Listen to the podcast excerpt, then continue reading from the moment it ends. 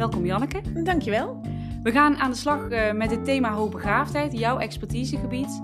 In drie podcast-afleveringen zullen we dieper ingaan op hoogbegaafdheid. Wat is het nou eigenlijk? Uh, wat zou het onderwijs daaraan uh, kunnen bijdragen? En hoe gaan we deze leerlingen helpen in, in de toekomst die ze voor hen hebben liggen? Eigenlijk willen we elke podcast-aflevering beginnen met een prikkelende stelling. Ja, en klopt. Die eerste die we eigenlijk eh, ter, eh, voor de luisteraar ook uh, willen delen is... Hoogbegaafd zijn is hetzelfde als heel slim zijn. Ja. Eerste reactie, Janneke, van jou. Ja, dat hoor je vaak, hè? Die link wordt gelegd, hè? Denk, uh, het eerste waar je misschien wel aan denkt bij hoogbegaafdheid is Einstein. Dus ja, dat is wel een typerend iets. Maar hoogbegaafdheid is zoveel meer nog. Ja, we gaan er zo meteen even op door. Kort even Janneke dan, Janneke de Wolf, bij Onderwijs Maak Je Samen. Kun je even uitleggen kort in welke uh, hoedanigheid en rol jij aanschuift in deze podcast? Uh, ja, ik uh, ben voorheen leerkracht basisonderwijs geweest en heb vorig jaar de overstap gemaakt naar Onderwijs Maak Je Samen om als onderwijsadviseur aan de slag te gaan. Het thema hoogbegaafdheid meegenomen naar Onderwijs Maak Je Samen, om daar ook meer scholen in te kunnen gaan begeleiden. Um, want ja, vanuit de werkvloer zag ik echt wel dat dat heel hard nodig was. Ik heb zelf de ETJA-opleiding gedaan aan de Radboud Universiteit. Dus vandaar het uh, hoogbegaafdheidsspecialisme. Ja, en ik weet nog dat jij uh, bij mij kwam en zei dat dat thema hoogbegaafdheid, daar hebben we ook in de podcastreeks rondom de thematour behandeld. Dat heeft zoveel kanten en wordt ook eigenlijk hoogbegaafd, dat mag je het nu nog wel noemen of niet noemen. Mm -hmm. Ik ben wel even benieuwd, ik, ik hoor vaker, ik denk dat mijn kind hoogbegaafd is. Hoe, hoe, waar begin je? Waar begin je in gesprek tussen school, kind, ouder? Ja, dat is een hele goede vraag. Want het roept gelijk heel veel op. Hè? Um, hoogbegaafd zijn, ouders die daar uh, mee komen. Um, ja, dat zorgt gelijk ook wel voor bepaalde verwachtingen. Maar het is gewoon best ingewikkeld. Want hoogbegaafdheid houdt zoveel meer in dan alleen maar een hoge intelligentie. Vanuit bijvoorbeeld hè, het theoretische model van Renzulli zie je dat naast een hoge intelligentie juist ook die motivatie heel erg belangrijk is van uh, de leerling in deze. Een bepaalde gedrevenheid hè, om, om uh, tot bepaalde prestaties te kunnen komen. Maar naast die uh, motivatie ook nog een stukje taakgerichtheid, maar ook creativiteit. Dus buiten de box kunnen denken. Ja, en wat jij nu allemaal noemt, dat, dat klinkt als de ideale leerling. Ja. Ja. Als je dat allemaal zo hebt, is, ben, ben je dan, is dat dan de term hoogbegaafd? Nou ja, ook nog niet eens. Want als je daar, uh, daar dat, dat vraagt gewoon veel begeleiding hè, uh, om daartoe te kunnen komen. Uh, en pas als je al die punten ontwikkeld hebt, dan kun je tot hoogbegaafde prestaties komen. Maar daarnaast heb je natuurlijk ook de sociaal-emotionele kant nog. Daar is een heel mooi voorbeeld van het zijnsluik van Tessa Kieboom. Uh, zij zoomt ook echt in op die sociaal-emotionele kant vanuit al haar ervaringen. En uh, dan zie je dat kinderen die hoogbegaafde kenmerken hebben, vaak ook een heel groot rechtvaardigheidsgevoel bijvoorbeeld hebben. Of uh, heel perfectionistisch zijn bijvoorbeeld. Ja. En ja, dat kan ook weer enorm in de weg zitten om jezelf verder te ontwikkelen. Dus ja. dat vraagt ook weer begeleiding. Want is het, uh, met de dingen die je net noemde, is het nou een vloek of een zegen? Ja, dat is een hele mooie vraag natuurlijk. Hè? En het zou heel erg een zegen mogen zijn. Um, want zo kijken we ook aan naar het kind wat heel erg getalenteerd is en gescout wordt voor voetbal bijvoorbeeld. Hè? En daarin door mag. Uh, daar zijn hele uh, trajecten voor, hè? speciale scholen. En, en nou, die worden daar helemaal in gesupport. Vaak zie je bij cognitief getalenteerd dat dat toch wel, ja, dan toch weer meer een vloek op zit. Uh, omdat mensen daar niet goed meer weten, ja, wat, wat, wat moeten we hier dan precies mee? En is ons onderwijs daarop gebouwd? Ja, en ik weet niet of de luisteraars het nu gehoord hebben, maar je ging van de term hoogbegaafde leerling naar cognitief getalenteerde leerling. Ja, Vertel, Klopt. Wat, wat gebeurde daar? Ja, goeie. Hoogbegaafdheid um, is zo complex, maar ook daar sluit je in het onderwijs zeg maar ook een groep mee uit wellicht. Hè? Want niet iedereen heeft de diagnose hoogbegaafdheid. Misschien ben je wel meer begaafd of alleen begaafd of hoog intelligent. Uh, en dat ligt allemaal vrij dicht bij elkaar. Um, dus dat maakt het vaak heel lastig om over hoogbegaafdheid te spreken of niet. Um, dus je ziet ook dat er steeds meer veranderd gaat worden naar cognitief getalenteerd. Omdat dan de groep in ons onderwijs wat groter wordt van kinderen, zeg maar, die wat nodig hebben ook. Ja. En, Wat en, anders nodig hebben. en kun je ons dus meenemen in, eh, als ik in het onderwijs eh, werk, wanneer, wanneer, kan ik het, wanneer kan ik de eerste signalen daarvan opmerken? Dus hoe, hoe kan ik kijken naar mijn kind of naar mijn leerling en observeren of ik elementen terugzie van wat je net beschreef? Ja, dat begint eigenlijk al vanaf de allereerste schooldag. En eigenlijk nog daarvoor. Eh, wanneer ouders kinderen aanmelden voor de basisschool, is het heel belangrijk om ouders daarin te horen. Want zij kennen hun kind natuurlijk al vier jaar. Ehm, en al die informatie die ouders daarover al hebben, dat kunnen signalen zijn om, op die kleuterleeftijd spreek je nog van een ontwikkelingsvoorsprong, hè? maar om dat aan het licht te krijgen. Ja. En dat is belangrijk, want anders kunnen kinderen al direct gaan onderpresteren. Want er is best een grote groep die zich ook aanpast aan hun omgeving bijvoorbeeld. Ja, Ja, en dan ben je de signalen kwijt. ja dus eigenlijk is vroegsignalering. Enorm belangrijk. Ja, Ja. ja. En je ziet heel veel kindcentra ook, hè.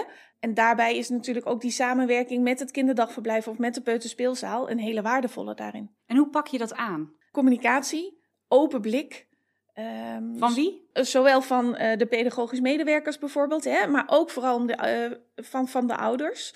Eh, de informatie die zij verschaffen. Ik zeg altijd in trainingen, ouders hebben altijd gelijk. En vooral omdat dat zorgt dat je beter gaat luisteren. Ja, die informatie van ouders, daar kun je gewoon heel veel mee. Ja, soms kan het wel ver uit elkaar liggen, weet ik wel. Dat je echt andere dingen ziet en dat ouders zeggen, maar hij kan al lezen of hij kan al. Ehm, Ja, ehm, Maar de leerling laat het dan niet op school zien. ja, precies. Ja, en hoe waardevol is het dan om beide situaties zeg maar naast elkaar te leggen? Want als dat zo'n groot verschil eh, geeft, ja, dan heb je wel wat te onderzoeken. Ja, En hoe kan het dat het kind het thuis wel laat zien, hè, in de meest veilige situatie? En misschien ook wel, er zijn de omstandigheden ook anders. Hè? Dat is wellicht een één op één situatie, of in ieder geval in een kleinere setting. Ehm, dat kan wat anders bij het kind teweeg brengen dan in een grote, eh, in, in een groepssetting, zeg maar. en jij zei net al, het kan het vroeg genoeg beginnen. En zou je het al mee kunnen nemen in je intakeformulier met nieuwe ouders of in het gesprek met nieuwe ouders? Ja, dat kan. Eh, er zijn scholen die eh, hoogbegaafdheid gewoon ook als punt in hun intakeformulier hebben staan. En hoe pak je dat dan aan? Is uw kind hoogbegaafd? Vraagteken? Ja, of komt het voor in de familie bijvoorbeeld? Hè? Want er zit natuurlijk in intelligentie een grote erfelijke factor. Dus dat, dat kan een richtlijn zijn, hoeft natuurlijk nog niet. Maar je kan ook kijken welke elementen eh, van toepassing zijn op een ontwikkelingsvoorsprong bijvoorbeeld. Eh, en als jij weet hè, als leerkracht wat kenmerken zijn van een ontwikkelingsvoorsprong en je daar eh, naar vraagt, dan kun je dat wel analyseren vanuit zo'n intakeformulier of vanuit Ja. een gesprek. Ja, dit vraagt, als ik jou zo beluister, ook wel de nodige kennis van binnen een school om deze leerlingen te gaan herkennen. Ja. En daar ook eh, de ouders in mee te nemen. Ja, dat werkt zeker mee, absoluut. Wat, wat zijn de eerste st- stappen daarin? Of hoe weet je als school of je hier voldoende ogen en oren voor hebt in de organisatie om eh, dit goed aan te pakken?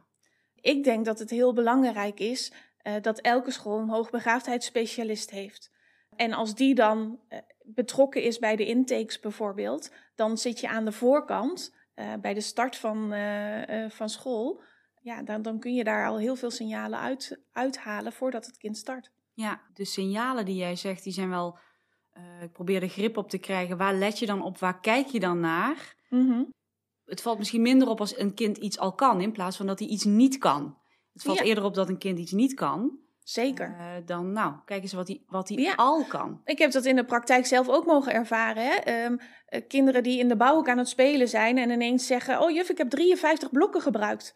Eh, Oké, nou dat kan bijvoorbeeld zo'n signaal zijn. Eh, er wordt vaak ook de letter van de week aangeboden. Hè? Ik heb kinderen gezien die eh, in, in de eerste schoolweken daar al volop aan meedoen. Die de klas doorgaan en allerlei materialen verzamelen met die klank.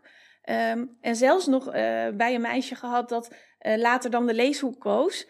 En gewoon hardop een boekje aan het voorlezen was. Van, hè? En wat doe je dan? Ja, dan heb je dus wel mooie signalen te pakken. Ja, en wat doe je dan? Dan ga je met het kind natuurlijk onderzoeken... waar sta jij überhaupt in je ontwikkeling... en wat zijn daarin mooie volgende stappen? En kan en een, kind dat, ondersteuning heb je nodig? kan een kind dat aangeven? Nou, daar is ook kennis van de leerkracht natuurlijk voor nodig. En op kleuterleeftijd ja, kunnen zij wellicht wel bepaalde dingen al aangeven hè, en laten zien. En geef ze ook vooral dat trotse gevoel. Dat is wel heel belangrijk, denk ik. Maar in hoeverre ze alles aan kunnen geven, ja, nee, daar, daar is jouw kennis uh, als leerkracht voor nodig. Ja, en dat geeft wel een, al een mooi vooruitzicht ook naar uh, de, de tweede aflevering. Die uh, wat dieper in zal gaan over op welke begeleiding, instructie daarvoor voor nodig is vanuit de leerkracht. En, mm -hmm. en de derde nog helemaal als we gaan kijken van wat doe je dan? Echt in de praktijk. In de, ja. in de praktijk. Tot die tijd is het ook wel mooi om te vermelden dat er vanuit de uitgeverij OMS een nieuw product zal gelanceerd zal worden half september. Ja, Halverwege september komt het product Karakterkracht uit. Ja. Daar heb je ook uh, in ieder geval vanuit Onderwijs Maak je Samen een, uh, een Ben ik bij betrokken, bij betrokken geweest? geweest. Ja, Kun je zeker. iets uitleggen over dat product in relatie tot waar we het net over hebben gehad? Ja, uh, karakterkracht ondersteunt eigenlijk het werken aan het zelfbeeld. Um, en nou, dat sluit aan, hè? in hoeverre kunnen kinderen het zelf vertellen? Hoe belangrijk is het dat je jezelf ook kent en dat je jezelf begrijpt en dat anderen jou ook beter gaan begrijpen? En daar sluit karakterkracht met hele mooie werkvormen op aan. Ja, het is ontwikkeld werkplaats Point 040. Klopt, ja, vanuit de Fontes Hogescholen. Ja, ja. En, en ontwikkeld ook door mensen uit de praktijk. Ja, juist uit de praktijk. Ja, ja veel leraren bij aangesloten, uh, ook hoogbegaafdheidsspecialisten. Dus ja, het wordt echt wel een mooi product. Ja, daar even over, over uh, wat kun je nu doen als een ouder bij jou binnenkomt en zegt: Ik denk dat mijn kind hoogbegaafd is. Wat is de tip die je mee wil geven aan de luisteraar? Hoe ga je daarmee om? Nodig ouders uit voor een gesprek en ga er open in. Ja. Ga maar eens bevragen waarom denk je dat en wat zie je dan allemaal. En wat moet je weten als leerkracht om dat gesprek te kunnen voeren? Ja, toch wel eigenlijk de enige, de, toch wel de nodige kennis over hoogbegaafdheid. Ja. Want dan weet je waar je op door kan vragen. En heb je die kennis niet, sta er open voor en uh, noteer alles. En ga zelf maar eens op onderzoek met dit kind. Uh, van oké, okay, wat zie ik dan allemaal in, uh, in de klas? Ja. Dus de, samenvattend is de term hoogbegaafdheid bevat veel meer en kan op meerdere manieren benaderd worden. Het tweede is, als je met de term in aanraking komt, ga hem onderzoeken. Want achter de term zit veel meer en achter de leerling zit nog meer. Zeker. Samenwerking met ouders heb jij daarin benoemd. En uh, vooruitziende blik naar uh, de tweede aflevering. Hoe ziet dat eruit in de praktijk? Ik ben heel benieuwd, Janneke, om de volgende stelling met jou daarin te onderzoeken. Ja, ja, zin in. Ik wil je bedanken voor dit gesprek en de achtergrondinformatie. Graag gedaan. Tot de volgende. Tot de volgende.